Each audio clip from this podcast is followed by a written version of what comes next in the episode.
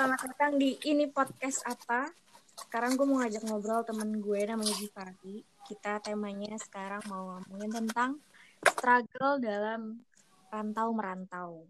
Nah, temen gue Givari ini dia menurut gue uh, punya pengalaman yang cukup oke okay buat di share karena dia merantau dari dia kuliah, dari dia nyari kerja sampai dia akhirnya kerja.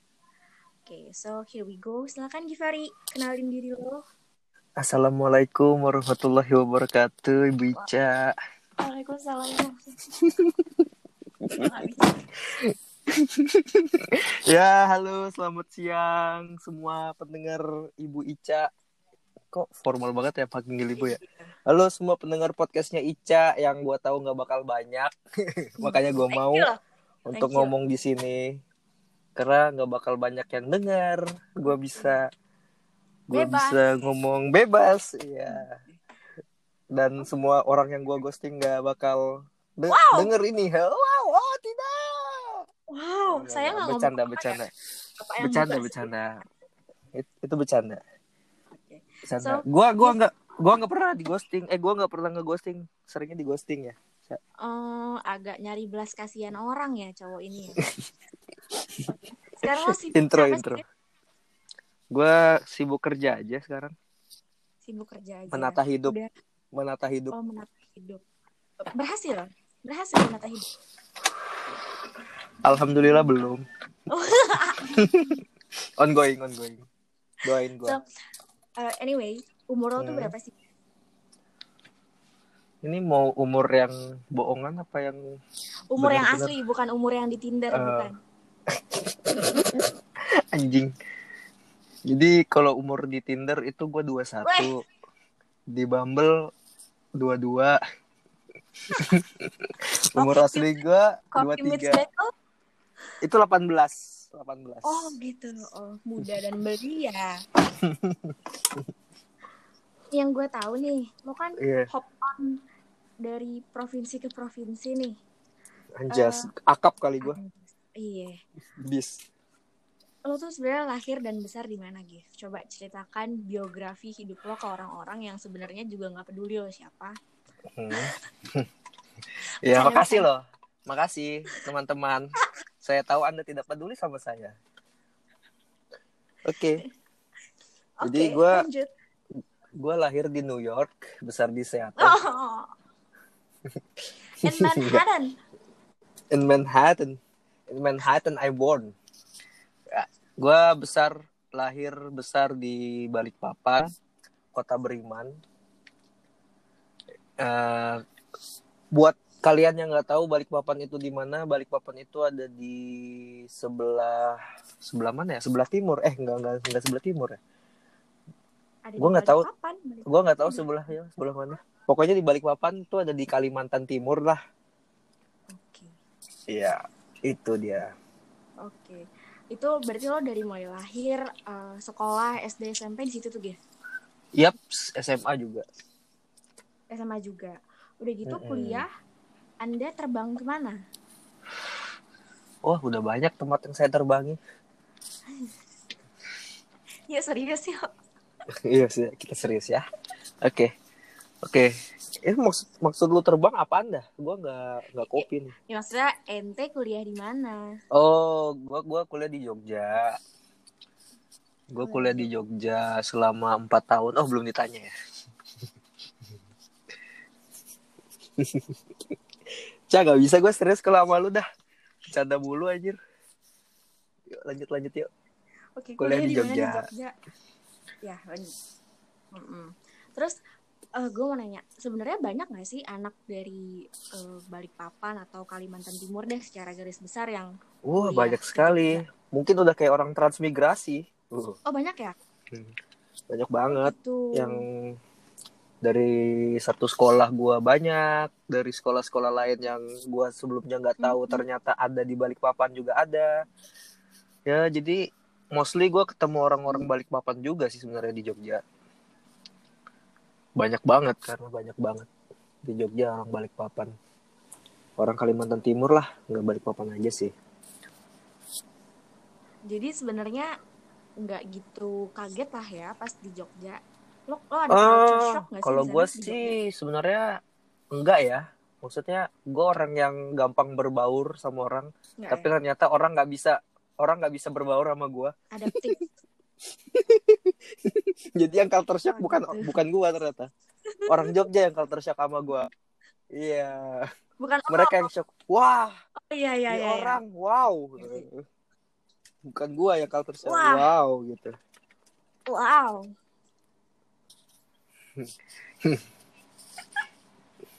Oke, so uh, kuliah setahu gue kayak itu masa-masa yang apa ya dibilang dari remaja muda atau dewasa gitu nggak sih Gif?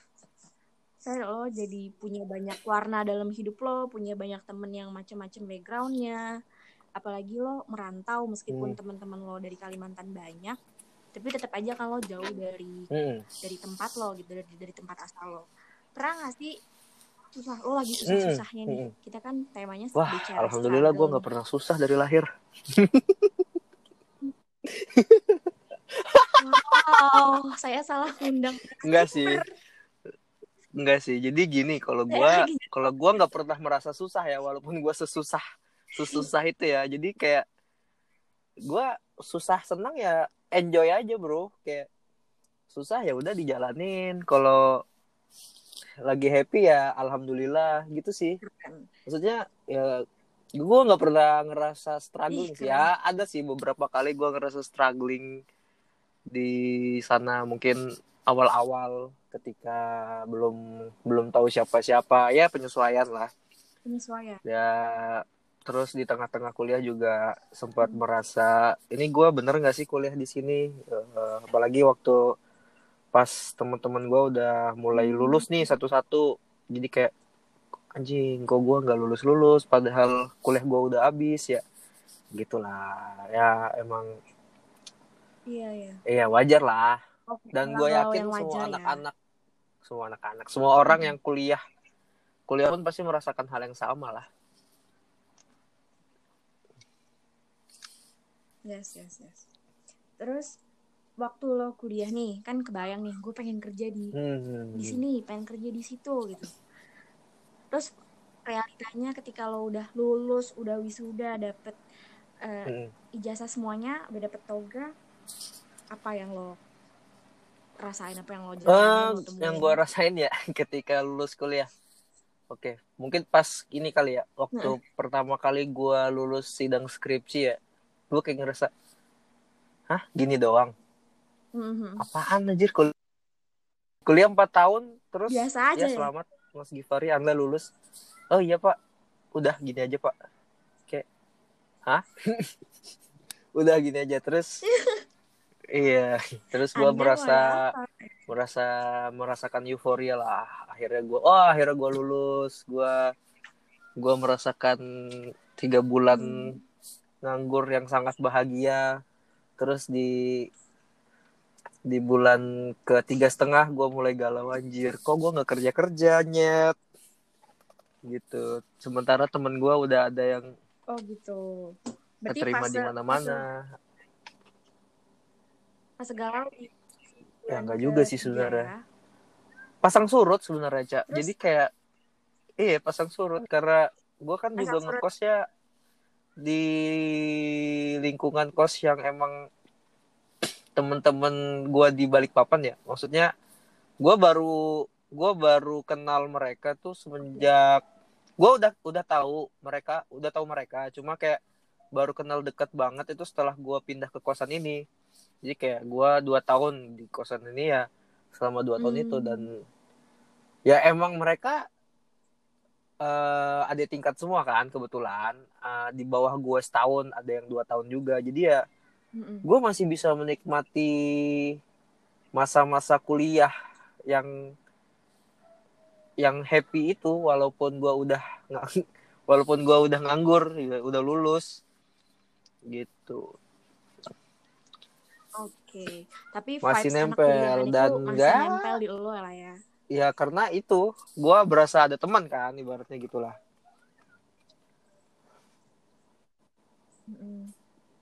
Terus sadarnya pas eh, yang nge-trigger lo, duh kok gue nggak kerja ya? Kok gue nggak sesibuk teman-teman yang gue bikin mungkin, itu ya gitu. yang bikin ke trigger ya? Yang bikin ke trigger itu Hah. waktu apa ya? Waktu setelah interview pertama sih. Iya interview pertama. Jadi interview pertama. jadi gue dipanggil interview pertama Gimana tuh? itu di waktu itu kalau nggak salah di Jakarta ya.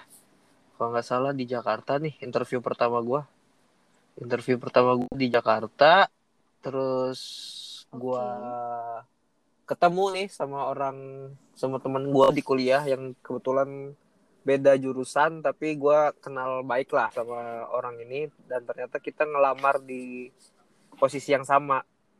Di posisi yang sama terus kemudian oh. Pas pengumuman dia keterima gue kagak keterima. Terus di situ gue mulai kayak wah kok gue gak keterima? Terus ya satu persatu temen gue kayak kan gue udah mulai aktif main LinkedIn tuh waktu itu tuh kan. Satu persatu temen gue di LinkedIn tuh udah mulai ah. update job job barunya mereka kerja di sini update kayak kerja wow di sini. wow mereka cepat sekali mendapatkan kerjaan. Padahal waktu itu baru sekitar bulan keempat apa bulan ketiga gitu itulah jadi social pressure itu social pressure sebenarnya itu real. real ya? Cuma eh, itu lebih ke sih ya, lebih ke kalau gue bilang sih sebenarnya nggak nggak real real banget ya. Maksudnya so- social pressure itu muncul dari diri lo sendiri, cak. Kayak lu lu pengen kayak misal nih apa ya bahasa simpelnya iri lah.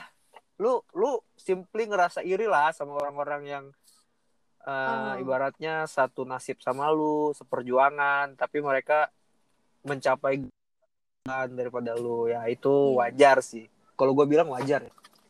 Cuma sebenarnya itu nggak tergantung orangnya masing-masing ya. Kalau orangnya yang slow-slow aja kayak gua gua slow tapi gua nggak seslow itu. Ngerti nggak sih lo iya. Iya. Sebenarnya kan ada orang tuh yang lo slow diem-diem banget tapi yang dia dia dia nggak tahu nih arah hidupnya mau ke mana tapi dia ya udah just go with the flow gitu aja kayak kayak ya udah jalanin aja bro. Kayak sans chill gitulah. Mhm. Terus pengalaman lo nyari kerja, nyemplung nyari kerjaan tuh gimana? Karena eh, sekarang gue gue ada di fase yang teman-teman gue tuh baru-baru mulai-mulai nyari kerja gitu karena baru pada lulus Iya. kan angkatan pandemi ini lulusnya agak-agak telat kan. Nah, nah jadi mereka Hmm. pada mulai ngerasa kayak apa yang lo ceritain tadi ngelihat di LinkedIn teman-temannya udah mulai uh, job at apa at apa gitu terus kayak ada yang interview iya. Interview berkali-kali tapi nggak nggak ada hasilnya wah gue sering banget. Kayak cuma gue nggak gue sih bersyukurnya gitu? kemarin waktu gue eh apply ke suatu kerjaan kayak gue pasti dipanggil sih untuk interview. Secara administratif gue lulus cuma tinggal eh, tahap-tahapan kayak tes psikotesnya doang atau mungkin interviewnya yang gue gagal ibaratnya gue dikasih makan terus sama hidup ya hidup. Dikasih makan terus untuk terus berjuang kayak Mhm. hari ini gue gagal di sini oke gue nguatin ini. Jadi kayak gue dapat kesempatan yang lebih untuk uh, improve nih setiap kesempatan yang gue dapat nih.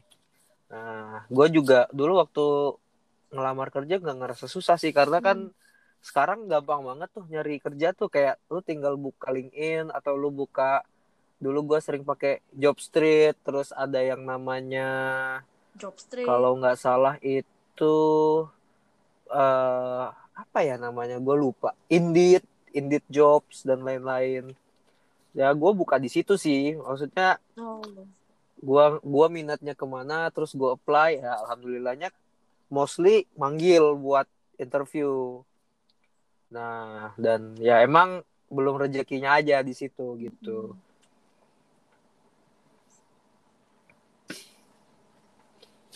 terus kalau biasanya nih ya biasanya kalau orang-orang udah wisuda pressure lainnya tuh ada dari keluarga kayak ayo dong cari kerja atau ada bahkan ada Hmm. banyak temen gue yang sebenarnya dia pengennya kerjanya di swasta tapi sama keluarganya Ya, "PNS aja ngapain jadi gini sih, mana." kalau Nah, gua lo pernah ngalamin kebetulan gitu? gue kan terlahir dan besar dari keluarga PNS kayak nyokap gue keluarganya PNS semua including nyokap gue bokap gue pun Oh. begitu semuanya PNS jadi semua om dan tante gue tuh PNS dan ya mereka gitu. sih ngomongnya udah PNS aja PNS aja tapi gue pengennya sih kerja di swasta ya maksudnya kayak lebih asik aja gitu kerja di sebuah corporate gitu kan kayak gini loh kayak lu dulu dari kecil nonton film pasti orang-orang sukses yang digambarkan di film tuh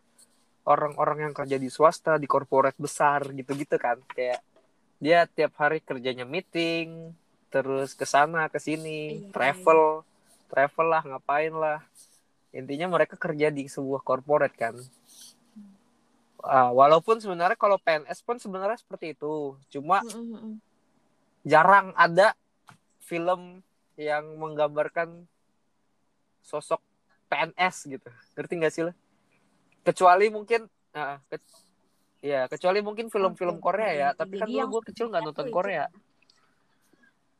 Iya, karena kan kalau orang-orang Korea tuh kayak menggambarkan Oh, iya juga. orang pasti sukses itu adalah dengan parameternya adalah dengan masuk PNS kan.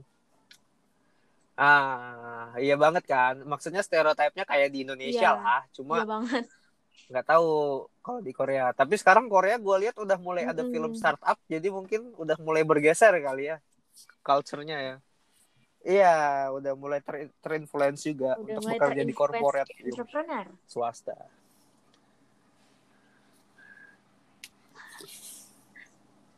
Oke, gue gak ngerti nih kenapa jadi Korea. Cuma balik lagi, eh, kalau dengar dari omongan lo kan Iya. lingkungan keluarga besar lo itu PNS, PNS, PNS ya.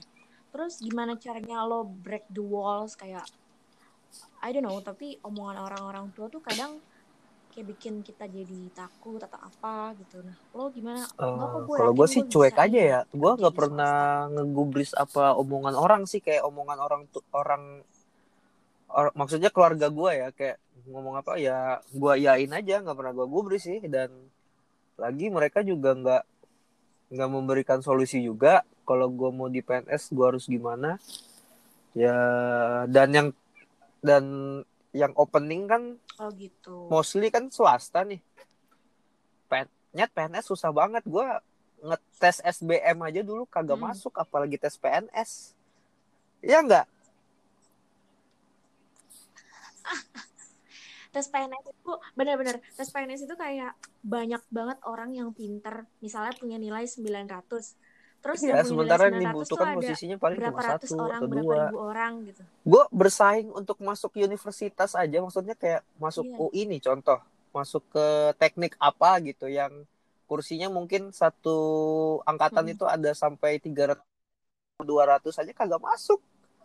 Apalagi seluruh Indonesia memperebutkan satu kursi. Iya nggak sih? Kayak agak lebih ke sadar diri pasrah aja ya Bicara aja sih. itu kan maksud gue. oke terus ada lagi nih satu fenomena yang gue denger-dengar cerita dari teman-teman gue adalah mereka nggak nyangka pas mereka lulus itu ternyata nyari kerja itu pertama sesusah itu. Wah banget, kedua ternyata makan biaya ya bro. Banget, banget, banget, banget, untuk banget, banget lah.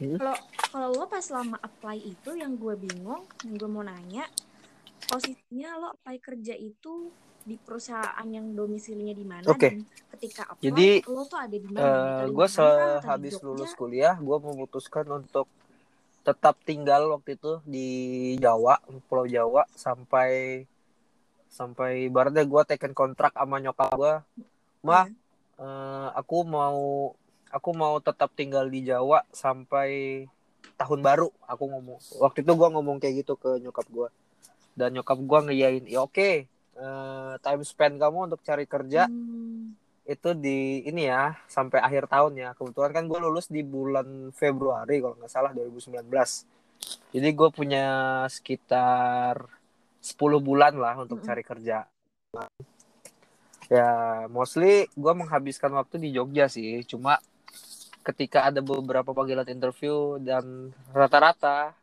yang gue lamar di Jakarta jadi kayak gue bener-bener selama di Jogja ketika ada panggilan yang mendadak pun gue selalu mengusahakan hari itu juga gue langsung berangkat ke Jakarta.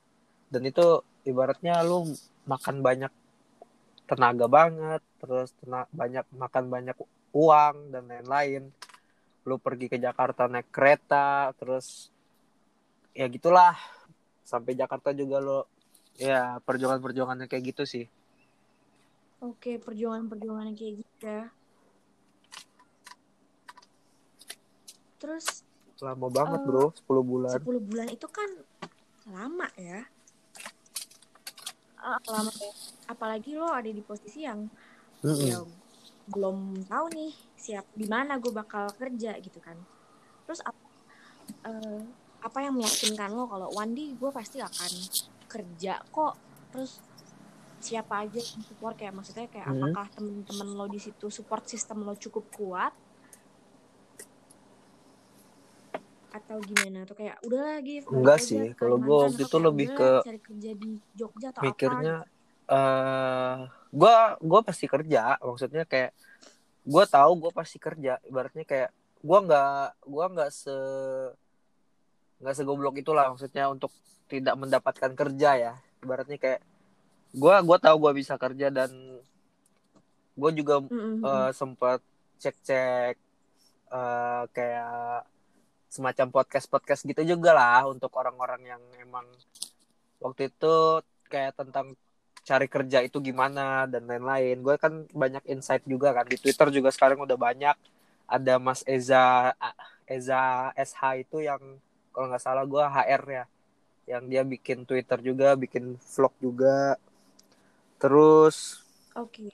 eh ya banyak lah eh, yang bilang kerja itu jodoh masalah jodoh. Jadi kayak jadi gue setiap gue gagal ya gue ya gue cuma bilang Bener oh gue belum jodoh di sini nih. Tapi gue setiap ngelamar kerja gue nothing tulus sih. Nggak pernah nggak pernah Mm-mm. apa ya nggak pernah ngarep lah. Maksudnya nggak pernah menargetkan lah. Target pasti ada cuma gue nggak pernah muluk-muluk lah. Menargetkan. kayak misal gue paling ah seenggaknya gue lulus psikotes dulu deh atau seenggaknya gue bisa ketemu user dulu deh. Jadi gitu deh maksudnya kayak gue enjoy Oke. aja sih karena gue sebenarnya males pulang ke Balikpapan makanya gue kayak gue nyari-nyari kerja pun sebenarnya kayak hiburan buat gue gitu loh. Nyari-nyari. Makanya gue nggak pernah ngerasa ngerasa ini sih kayak tertekan gitu sih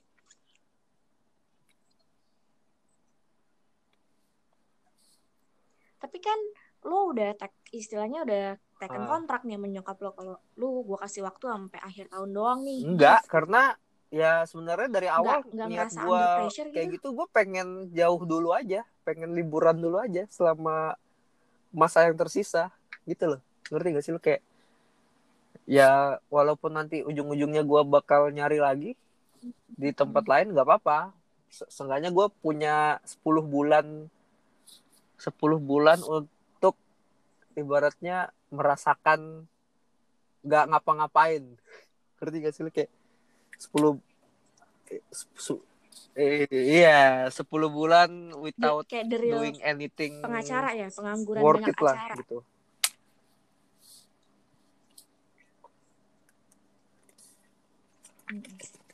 Terus eh, apa nih? Dari dari sampai sekarang ya dari lo sekolah atau kuliah Lowest point. titik lowest point lo tuh apa?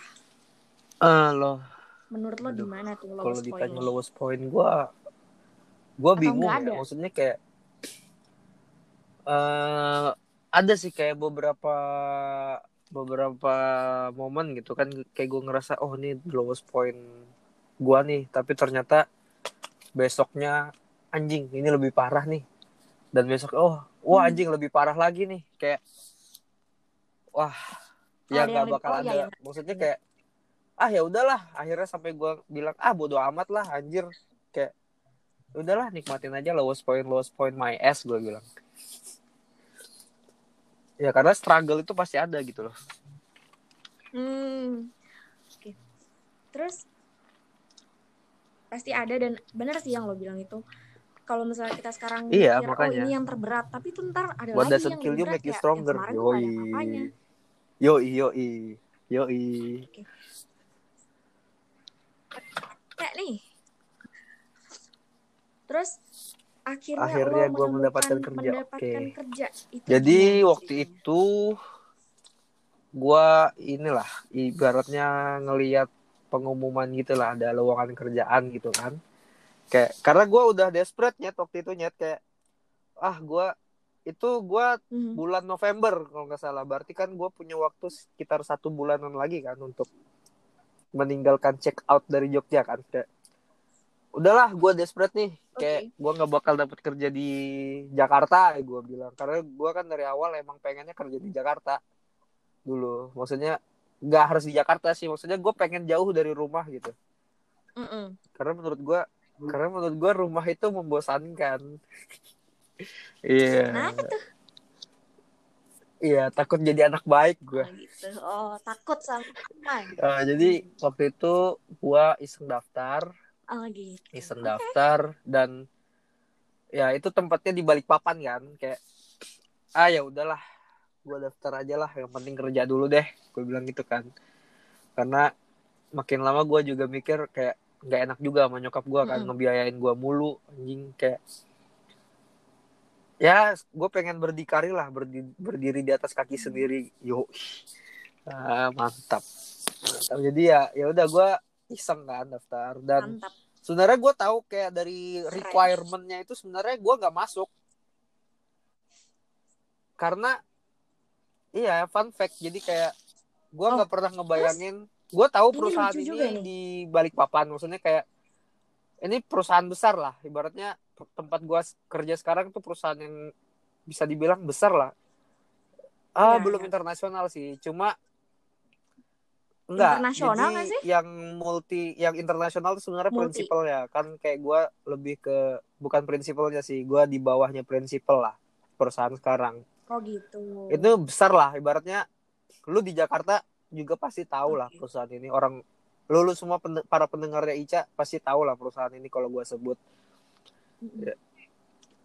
ya bisa dibilang seperti itulah Ah, ah. jadi UT. terus kayak eh kemudian eh gue daftar dan itu requirementnya dua tahun kayak dua tahun experience di bidang ini gitu kan di bidang sekarang dan bla bla bla.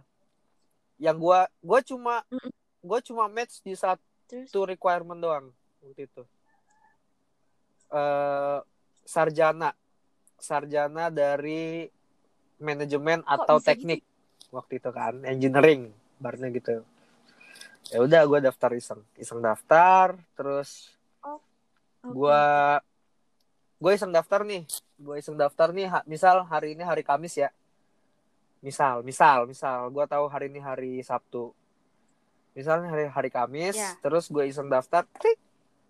Hari Jumatnya gue ditelepon.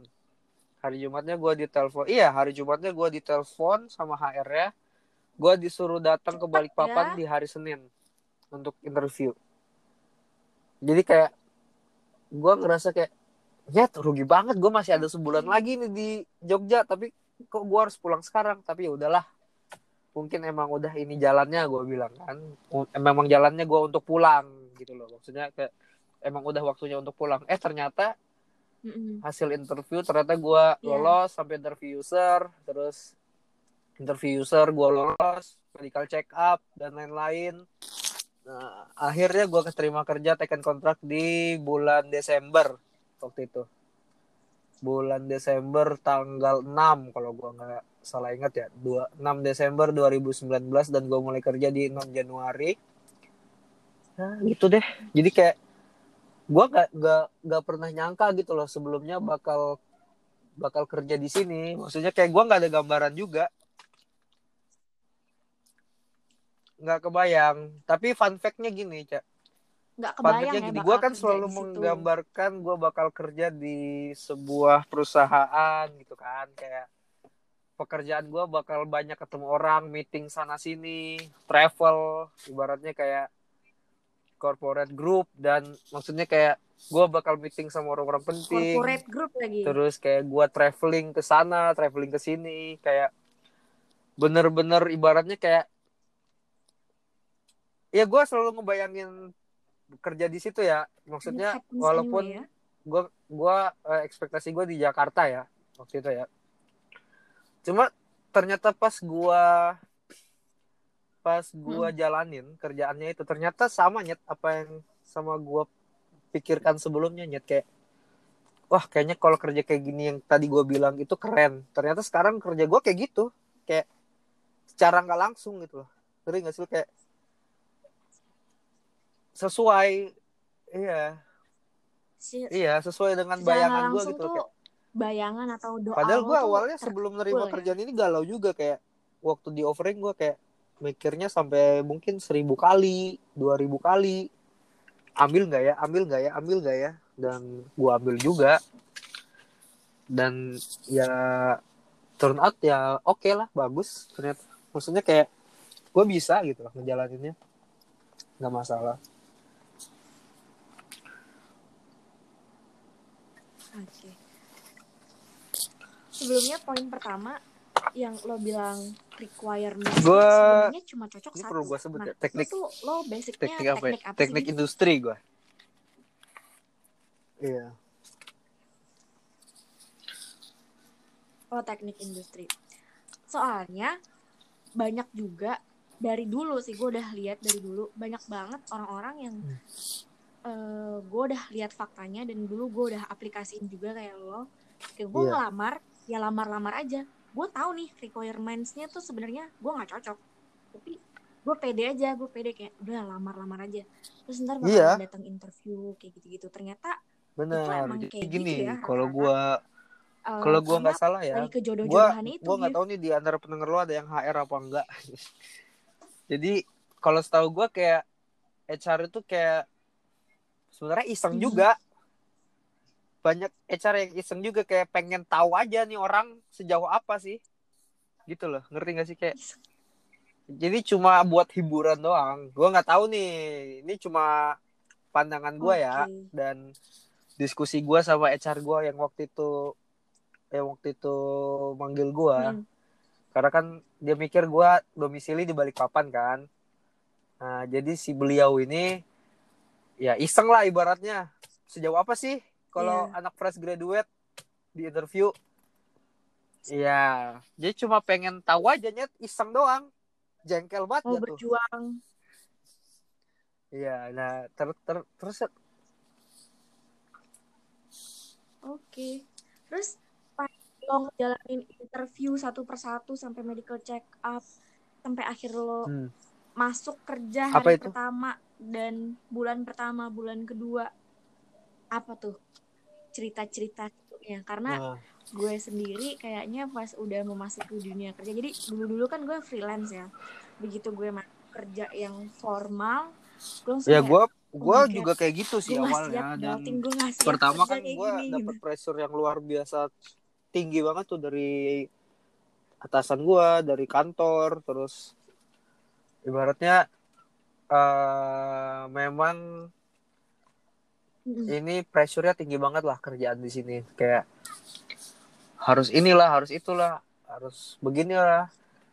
Dan mostly yang yang gua kerjain sekarang itu kayak sebenarnya ilmunya itu ada di teknik nggak ada di teknik industri sama sekali. Ada di teknik industri pun cuma beberapa. Jadi kayak kayak misal eh, ada di teknik mesin atau di teknik elektro. Jadi bener-bener teknikalnya gua nggak pernah pegang sama sekali nih nggak pernah tahu sama sekali nih bener-bener asing buat gua. Maksudnya kayak tapi dari situ gua juga kayak sadar ternyata Hmm. dengan lu kuliah dan lu ikut banyak organisasi, lu ikut banyak kegiatan dan itu ternyata memang kepake banget buat lu untuk kerja gitu loh Iya. jadi cara lu beradaptasi cara lu berkomunikasi ca- eh, cara lu manajemen apa waktu How to dan handle even people, ya. maksudnya ketika dosen waktu itu waktu dulu mungkin kita dikasih tugas sama dosen deadline segini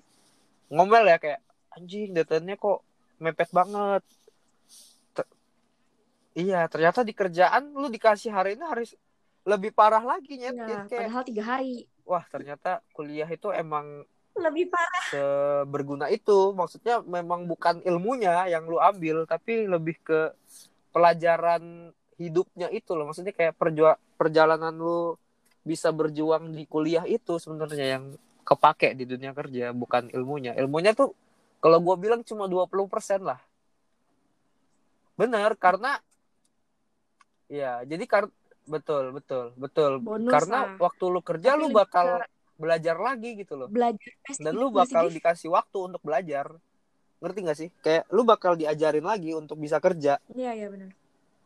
jadi sebenarnya nggak masalah gitu loh. Lu Iya. lu mikir lu sekarang ah gua goblok di kuliah gua nggak bakal dapat kerja. Enggak nyet. Lu bakal kerja gitu loh. Tapi gimana lu bakal ngehandle-nya aja sih sebenarnya kayak karena lu bakal dididik dari awal lagi ketika lu masuk hari pertama kerja jadi kayak ah, jadi ah, jadi lu nggak usah takut gitu loh kalau misalkan lu nggak ngerti apa apa di kuliah Wah, yang itu yang lu supel aja dah. Baru gue mau nanya. ya ya intinya lu supel dan mau belajar deh itu kalau kerja sih kalau Supel ya, kuncinya supel ya. Mm-mm. Gue nih, Gev, gue pas hari pertama kerja sampai awal-awal kerja sebulanan gitulah, itu kan penyesuaian banget. Apalagi gue kerja di Bali yang gue nggak tahu apa-apa, gue nggak kenal siapa-siapa, budayanya beda, apa segala macam beda. Terus gue ngerasa mm, gue mas gue yang paling kecil gitu, jadi kayak gue Hmm. minggu-minggu pertama pas banget kan gue masuknya itu awal bulan dan awal tahun dan gue ngerjain administrasi ngerjain Iya. akun Gue juga. itu gue semat gue ngerasa kayak di ospek gitu Hmm. Gue satu minggu hidup gue cuma sama Hmm, hmm. doang map-map berisi kertas itu kayak gila ini kapan selesai Hmm. kalau kurang lebih lah kayak ospek sih kalau gue bilang ya karena di situ banyak bully-bulian juga dari teman-teman kantor maksudnya kayak ya bener-bener buat ngelatih mental lu sih sebenarnya. Kayak dimarahin sama atasan tapi ternyata atasan lu tuh cuma ngetes gitu loh. Jadi kayak ya untungnya gue punya dapet atasan yang alham ya alhamdulillah pressure-nya sangat tinggi Hmm. tapi beliau juga nggak pelit sama ilmu gitu. Maksudnya kayak dia bijak lah. Beliau orang yang bijak lah. Dan sampai sekarang gue masih Ya. banyak belajar sama beliau juga sebenarnya sama atasan gue ini.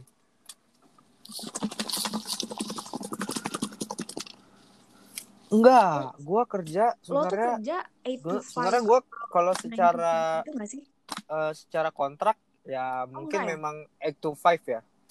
Tapi realitanya gue kerja 24 jam per 7 Hmm. iya. Oh, Hmm. Oke oke oke.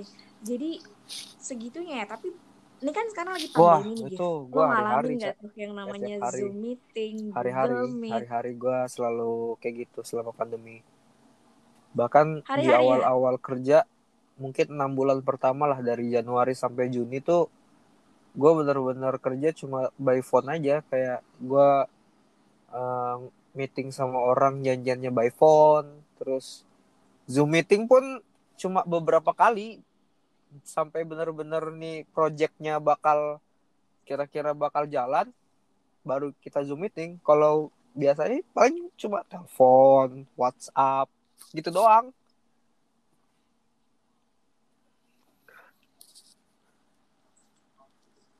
Berarti pengalaman kerja lo ini sedikit banyak dipengaruhin sama Iya, pandemi juga betul. ya, pola Karena kerjanya jadi sebenarnya berubah harusnya gua nggak pola kayak gini maksudnya sih?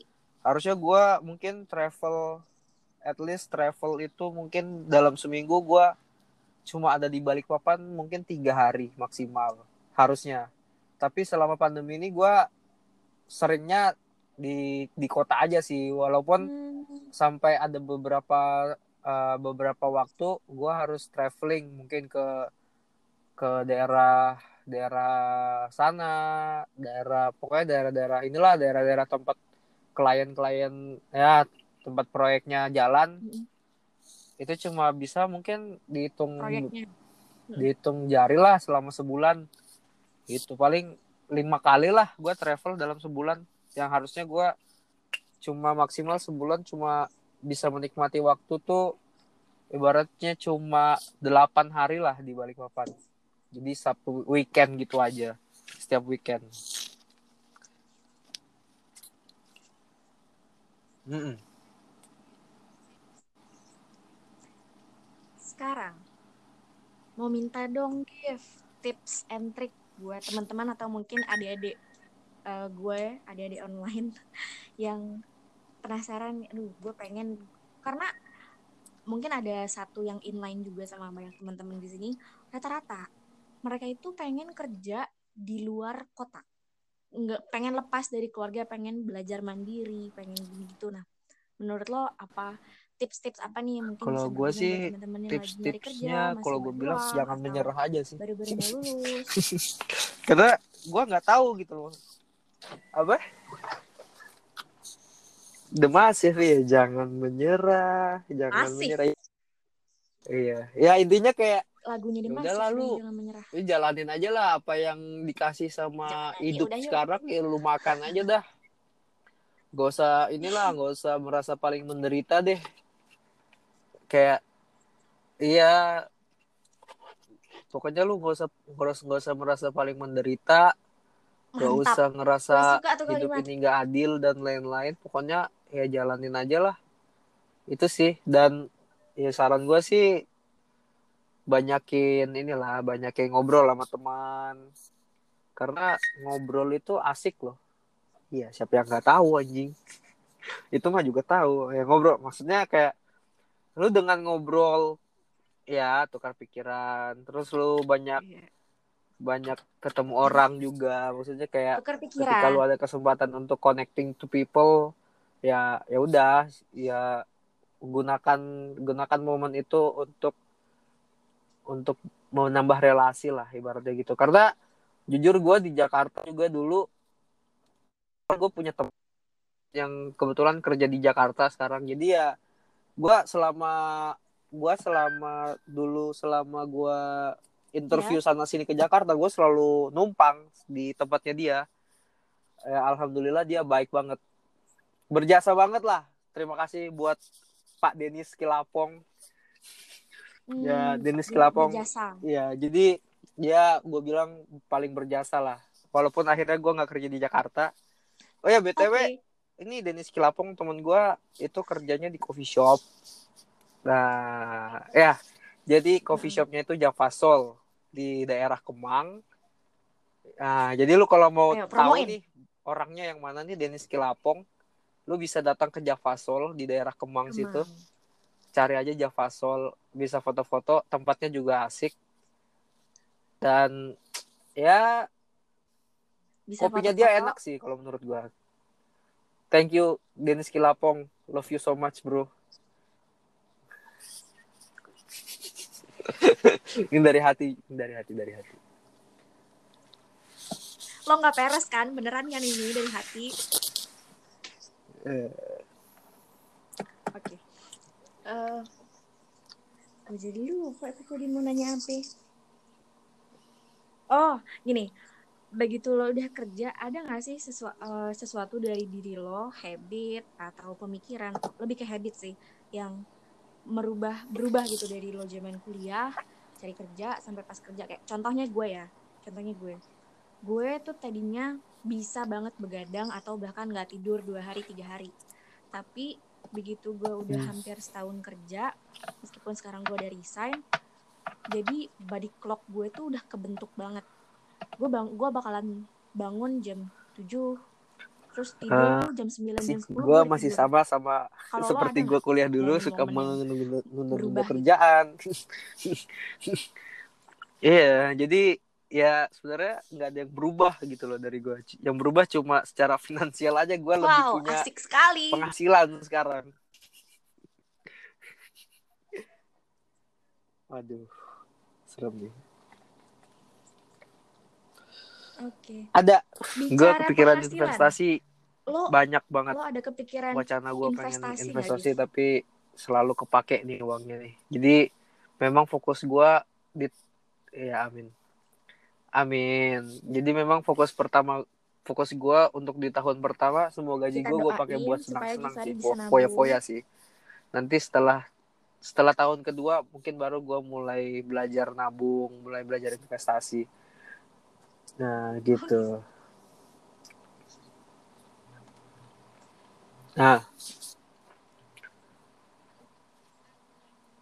Pandemi ini kan orang-orang banyak yang berusaha ya, Gif. ya seperti yang gue bilang tadi nyet banyak banget Nah, kepikiran untuk buka usaha. Juga kepikiran. Tapi gue mikir sih karena kerjaan gue juga kan lu- luar biasa sibuknya ya maksudnya gue kerja 24 per 7 dan gue buka usaha pun gak, gak mungkin gue tinggal dong jadi gue masih masih nyari partner nih bener-bener nyari partner bisnis yang bisa gue andelin lah ibaratnya gitu jadi Iya benar-benar.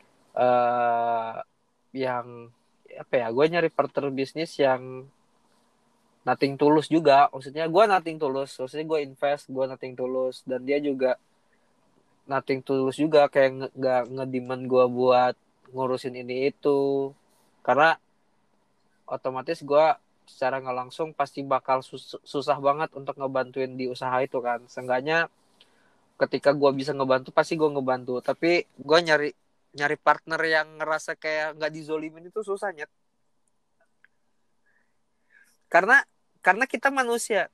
Karena kita manusia kan. Maksudnya kayak pasti lu ada lah Waduh. satu poin yang lu ikhlas sebenarnya ngelakuin ini tapi kayak lu kok lu nggak ngebantuin gua sih? Ini gua kerja sendirian gini gini gini gini gini gini. Ibaratnya gitulah. Apalagi ini menyangkut masalah uang kan.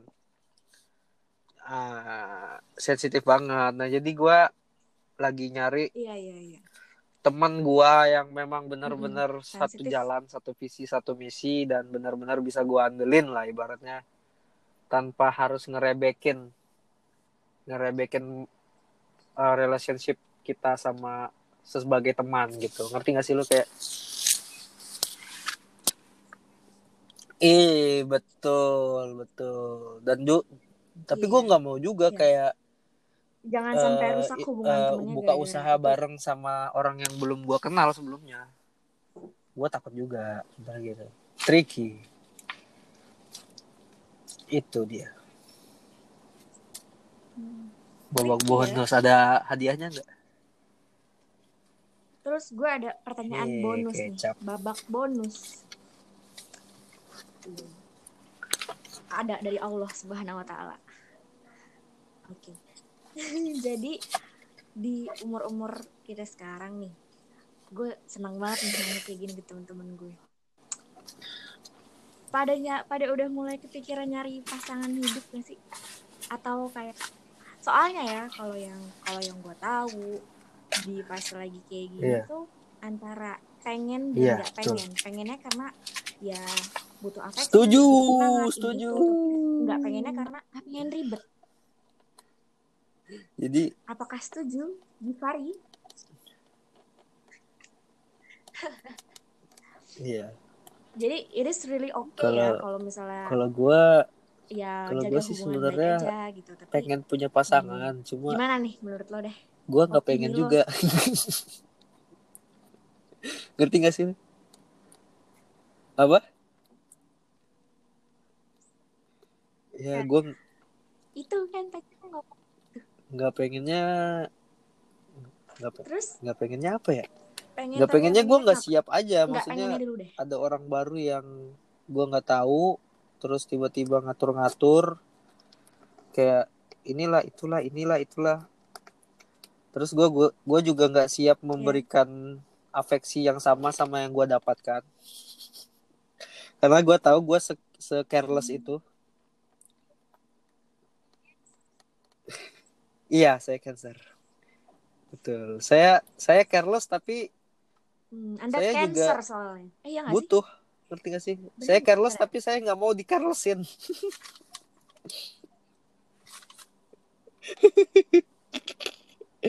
Iya. Iya, emang agak kurang ajar konsepnya. Iya. butuh ada orang yang bisa Tapi kalau gua pengennya, pengennya kenapa bisa ya? Karena gua andelin lah maksudnya cowok ya kayak gua butuh bisa orang. membuka mata dan menutup mata dengan melihat wajah yang sama anjay atau iya iya betul Mer- per Eh, eh, oh, membuka nah, mata dan menutup mata maksudnya ya gini melihat gua sama. gue pergi makan Anda dengan orang itu terus gue pergi jalan dengan orang itu gue membagi kebahagiaan gue dengan orang itu membagi kesedihan gue dengan orang itu gitu. Ya begitu. Bangun tidur di video call lagi. Kan begitu konsepnya Nanti ibu. Ibu tidur video konsepnya gimana nih bu?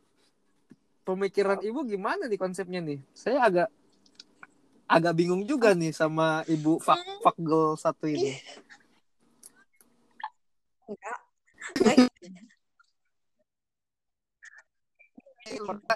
mulai Wow, ini tidak ada edit mengedit.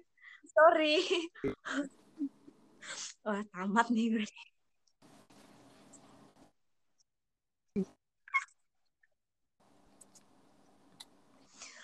Untung kita udah di penghujung acara nih ya ceritanya.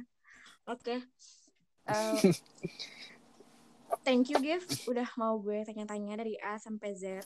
Sebenernya gue belum puas sih ngerjain lo, tapi ya udah mungkin nanti di lain waktu. Semoga teman-teman ini podcast apa yang dengerin ada banyak hal yang bisa ditang diambil, ada value positifnya. Ya mau Wah, apa pun besar itu, kecil. mau besar mau kecil, semoga intinya dari omongan selama 52 menit ini ada lah yang bisa diambil. Dan jangan lupa kalau mau At- kalau mau at nugif kalau n u double g h i double f. Gue lupa lagi Instagram. Akan di follow. Nah Siap. silakan di follow. Dan jangan lupa uh ngarep banget. di kayak banyak like yang denger aja monyet. gue biar ada terus di playlist kalian. Gaya dulu. Oke. semoga Givari betul siap. Iya kan gaya jadi dulu gimana kabar cowok yang lu ghosting kemarin? terakhir. Oke Saya dah jadi ditutup aja ditutup. Woi, woi, ditutup ya. Giflo jangan gue eh eh j- jangan Lu pernah lagi minta jangan minta tolong kartu gue teleponin lo buat kabur. Udah ditutup aja yuk. Oke. udah nih thank you. Yo yo. Udah terlanjur? Ya udah oke udah kayak selesai selesai selesai. Thank you Givari. See you again. Makasih buat semuanya yang udah bye dengerin semua. sampai sepanjang